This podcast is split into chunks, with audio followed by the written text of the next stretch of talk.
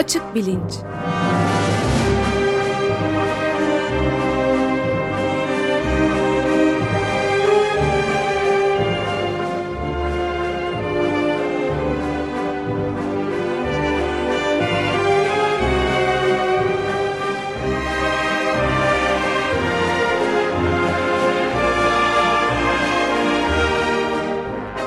Güven Güzeldere ile bilim ve felsefe sohbetleri.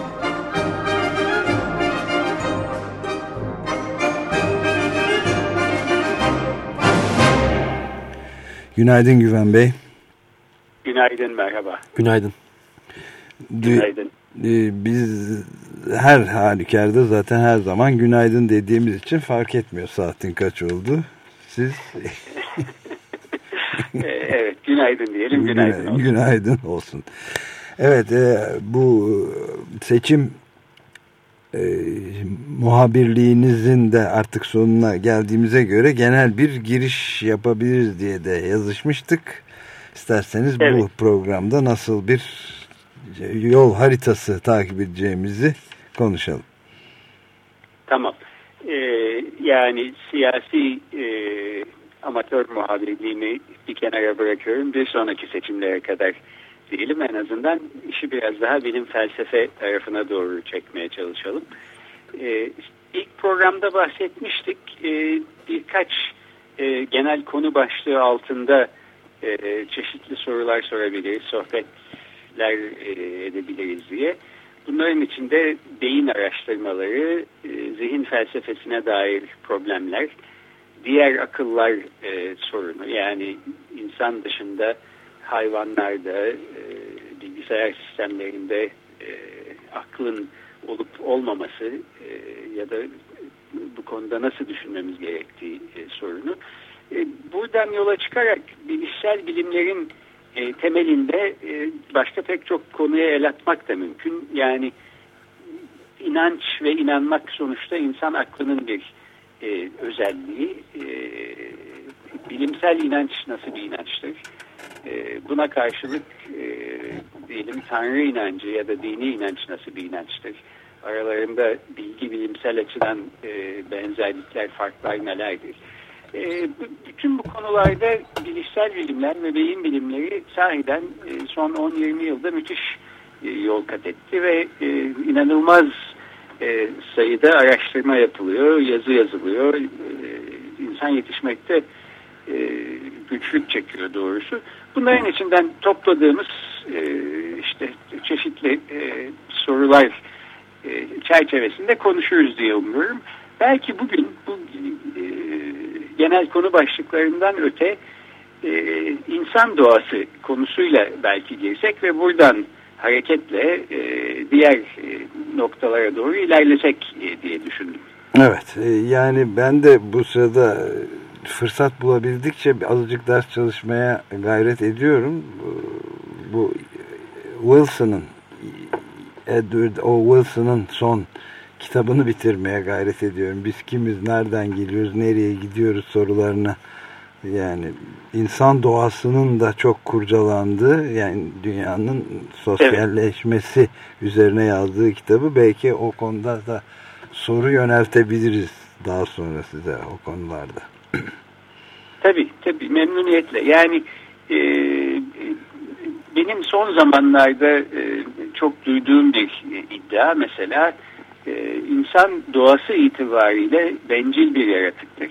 Dolayısıyla ona en uygun e, siyasi ve sosyal sistem e, işte bir tür kapitalist sistemdir. E, çünkü insan doğası itibariyle e, kendi doğasına en uygun olan e, şeyi yapmayı yani kendi çıkarını e, korumayı ve geliştirmeyi e, en öne alacaktır e, filan gibi iddialar var. Şimdi bu, bu iddialar karşısında insan e, nasıl düşünmeli e, sorusuyla karşılaştığı zaman önce ya bir dakika bu insan doğası denen şey nedir, ne mene bir şeydir, bu, bu konuda nasıl düşünmek lazım? Buralardan, bu teorik zemin ve çerçeveden başlamak gerek diye düşünüyorum. E, şimdi bu insan doğası, doğası konusu hem ilginç hem hassas bir konu. E, ilginç bir konu çünkü doğa kültür karşıtlığı e, temel bilimlerle daha ziyade beşeri bilimler arasında e, ezelebet e, süren çok tartışmalı bir konu. Hatta kimi bölümler e, özellikle antropoloji bölümleri e, mesela dünyanın e, en ileri gelen üniversitelerinde sırf bu e, tartışma yüzünden e, ikiye ayrılmış, ikiye bölünmüş e, vaziyetteler. Bir sürü okulda mesela e, doğayı e, öne e, koyan e, biyolojik e, antropologlarla kültürü öne koy, koyan e, kültürel antropologlar arasında yani resmen neredeyse kan dökülmüş vaziyette ve e, bir sürü bölüm ikiye ayrılmış e, durumda. Dolayısıyla ortada ilginç bir e, karşıtlık var. Evet. Şöyle bir hassas tarafı da var bu konunun. Bu insan doğası başlığı altında çok boş şeyler söylemek de mümkün. Bir sürü insan bunu da söylüyor aslında. Yani ben şimdi siz herhangi birisinden e, diyelim e, erkek doğası itibariyle lider ve yöneticidir. Kadınsa evine bağlı ve itaat etmeye meyillidir. Erkeğe tabidir diye bir iddia duyarsanız e, dinlemeyi hemen orada bırakabilirsiniz bence. E, çünkü e, insan doğası ya da erkek doğası ya da kadın doğası adı altında çok boş şeyler söylüyor e, demektir bu kişi. Fakat e, bu benim boş olarak e, nitelediğim e, şeyleri aslında bir sürü insan bir sürü yerde söylüyor.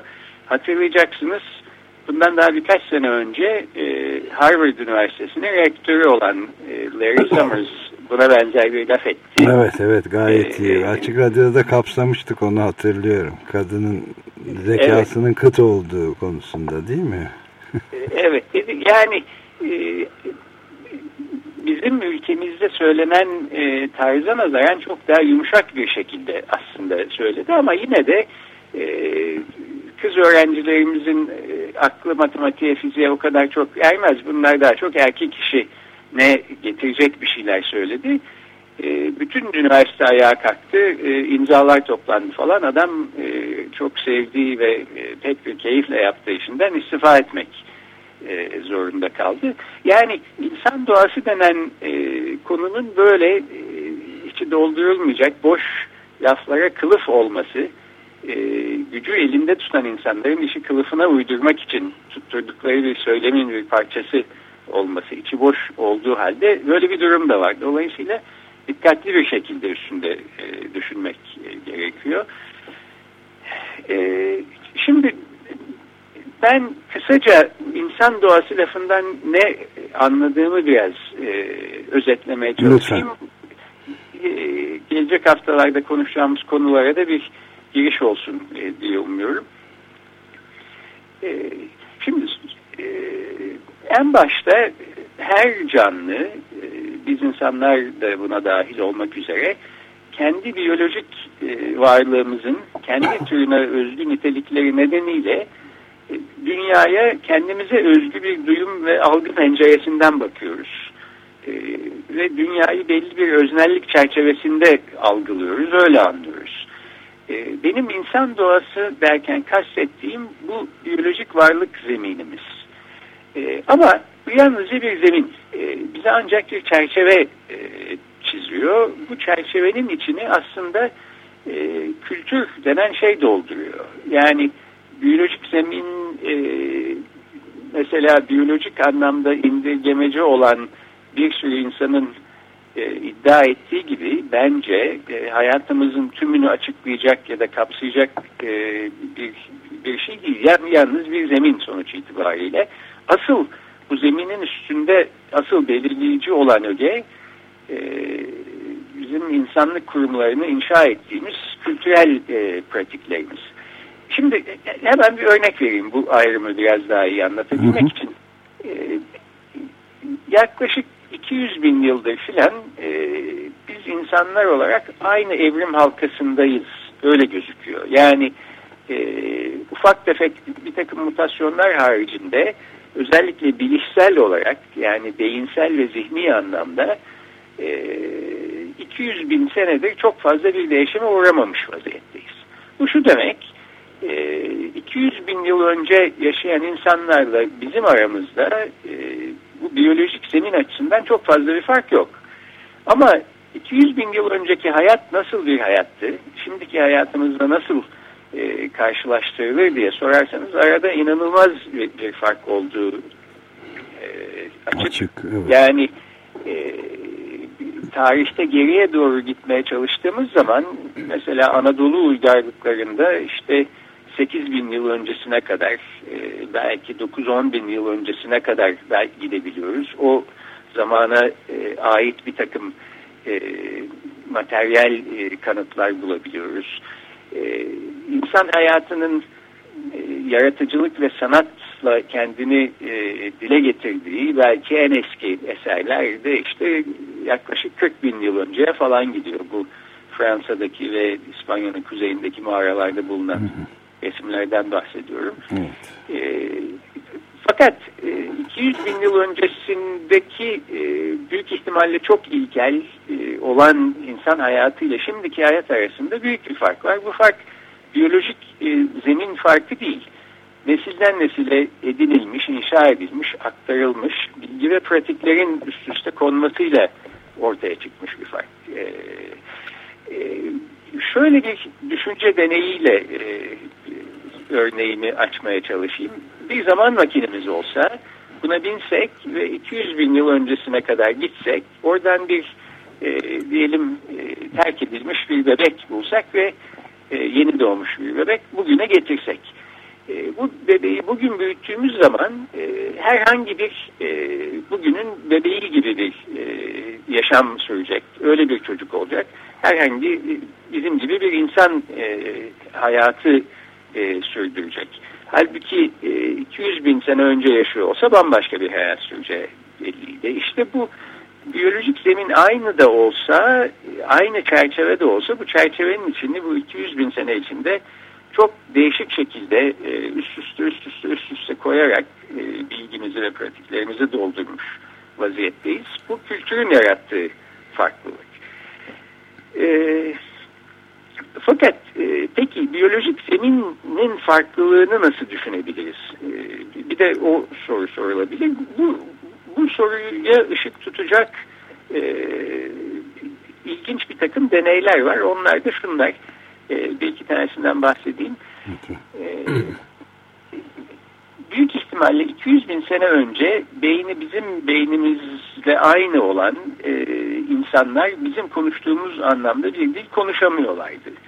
E, bizim e, dile getirdiğimiz şekilde kendilerini dile getiremiyorlardı.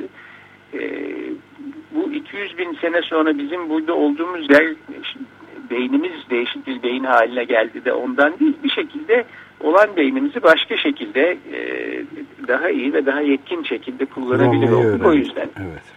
Evet. E, şimdi bu buradan hareketle şöyle de düşünülebilir. E, peki aslında beyni insan beynine çok benzeyen e, genetik olarak da bizle e, çok yakın olan e, hayvanlar aleminden bir takım akrabalarımız var. Mesela bonobolar, şempanzeler falan gibi. E, bunlar bizim anladığımız anlamda bir dil konuşmuyor ama belki e, bilmediklerinden konuşmuyorlar. Beyinleri yetmediğinden değil. Belki biyolojik zemin itibariyle yeterli bir zemine sahipler. Acaba biz e, tıpkı bu 200 bin sene öncesinden bir bebeği alıp e, günümüze getirsek e, normal bir çocuk gibi yetişirdi dedik. E, peki bir şempanze yavrusunu alsak evimizde bir bebek büyütür gibi büyüsek e, acaba dile gelip konuşmaya başlar mıydı?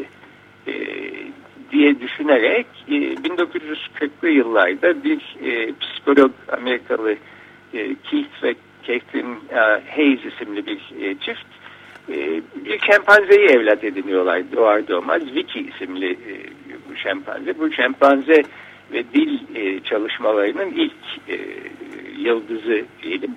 E, ve Vicky'yi bir bebek yetiştirir gibi yetiştiriyorlar. Acaba bir insan gibi e, dile gelecek mi, dil öğrenecek mi, bir insan yavrusu gibi bir gelişim gösterecek mi e, diye merak ediyorlar. E, öyle olmuyor. E, olmuyor. Bunun nedeni e, her ne kadar bize çok yakın olsalar da e, biyolojik zeminlerinin farklı bir zemin olması şempanzelerin ve bunun üstüne biz kendi pratiklerimizi ne kadar kurmaya çalışırsak çalışalım e, bir insanın varabildiği yere varamıyor şempanzeler. E, bunun tabii çeşitli nedenler var. Bir tanesi bu hayvanların e, gırtlak sistemleri ve vokal sistemleri bizimki gibi değil. Dolayısıyla bizim çıkartabileceğimiz çeşitte e, sesleri çıkartamıyorlar. E, Vicky e, 4 sene boyunca anne babasının yanında dil öğrenmeye çalışarak ancak dört kelime, dört İngilizce kelime e, söyleyebilir oluyor. E, bunlardan bir tanesi papa, işte baba yerine papa diyor. Fakat o da zaten e, çok kolay söylenebilen bir kelime. İki kere insanın ağzını açıp kapamasından ibaret yaklaşık. Evet. E, so sonradan e, akıl ediyorlar ki ya bir dakika belki bu e, hayvan bu sesleri çıkartamadığı için konuşamıyor ama başka bir şekilde kendini ifade edebilir. İşaret dili mesela yani sahibesiz insanlar e, her sese bağlı olmadan e, e, bir dil kullanabiliyorlar. Bunu öğretmeye çalışalım fikri gelişiyor. 1960'larda 20 sene geçtikten sonra e, Beatrix ve Alan Gardner diye bir başka psikolog çift bu sefer, bu sefer başka bir şempanze yavrusunu evlerine alıp e, bebekler gibi büyütmeye başlıyorlar. Bu şempanzenin adı da Washoe. Hmm. ikinci yıldızımız. E, biraz daha e, ileri gidiyor Vicky'ye göre e, fakat çok fazla bir şey öğrenemiyor. E, bunun üstüne Columbia Üniversitesi'nde profesör psikoloji bölümünde Herbert Terrace isimli bir profesör daha iddialı bir işe girişiyor ve bir e, şempanze e, bebek şempanzeyi yine evlat edinerek daha e, sıkı bir dil eğitimine tabi tutuyor. Bu şempanzenin adına da Nemchimski e, diyor. E, niye böyle bir isim verdiğini e, e, aslında anlamak kolay. Çünkü e, Noam Chomsky her ne kadar siyasi anlamda son derece ilerici bir insan da olsa e, bilimsel anlamda bence aslında bir hayli tutucu bir kişi ve dilin mesela yalnızca insanlara özgü bir sistem olduğunu, insanlar dışında hiçbir canlının insan diline yakın bir e, dil sistemi geliştiremediğini e, ve hayvanlarda dil çalışmalarının aslında çok da bir sonuca varmayacağını falan e, iddia etmekte. E, ona nazire olsun diye Nemçimski diyorlar.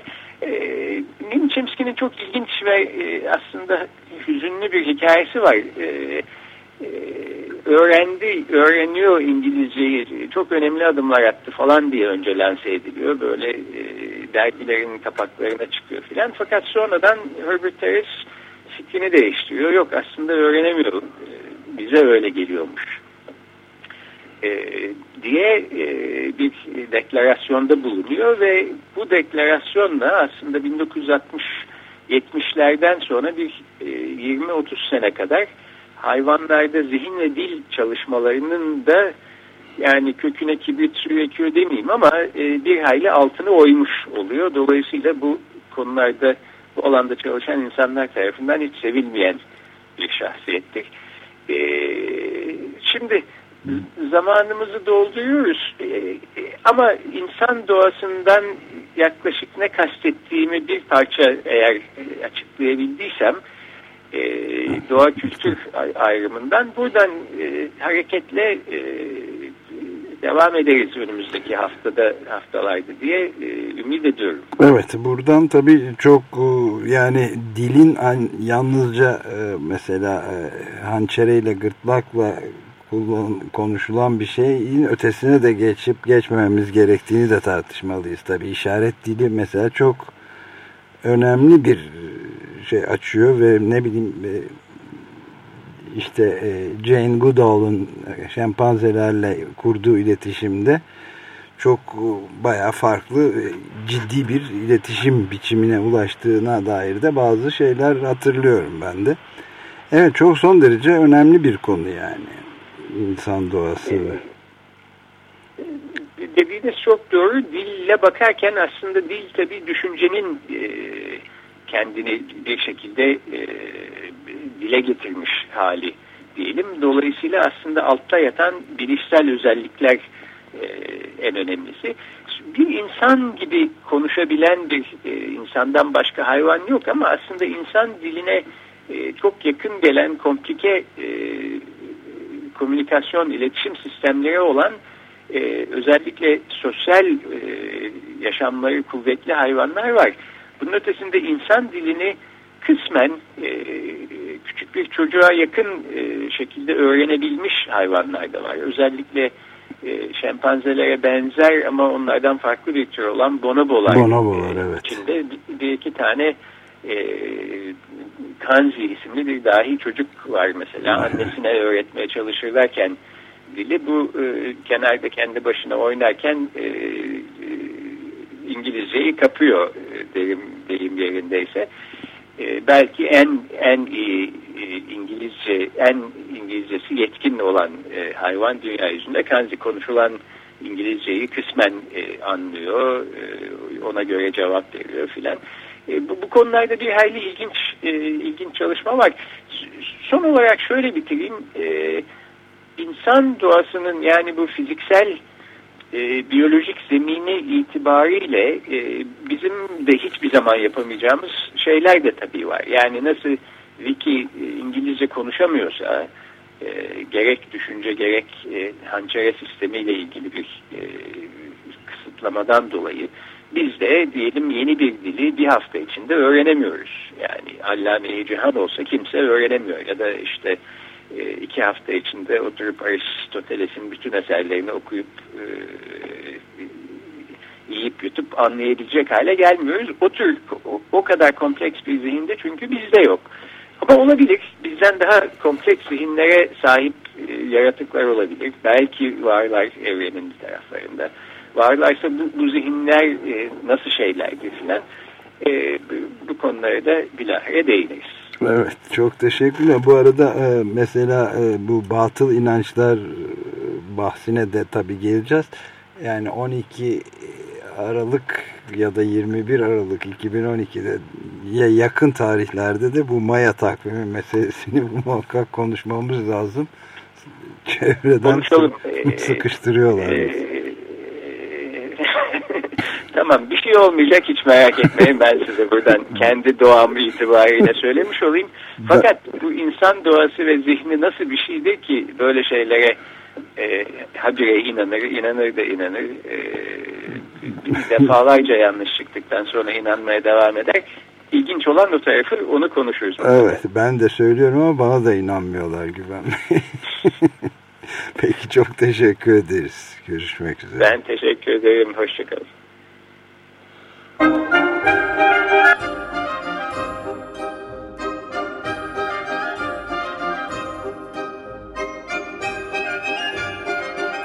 Açık Bilinç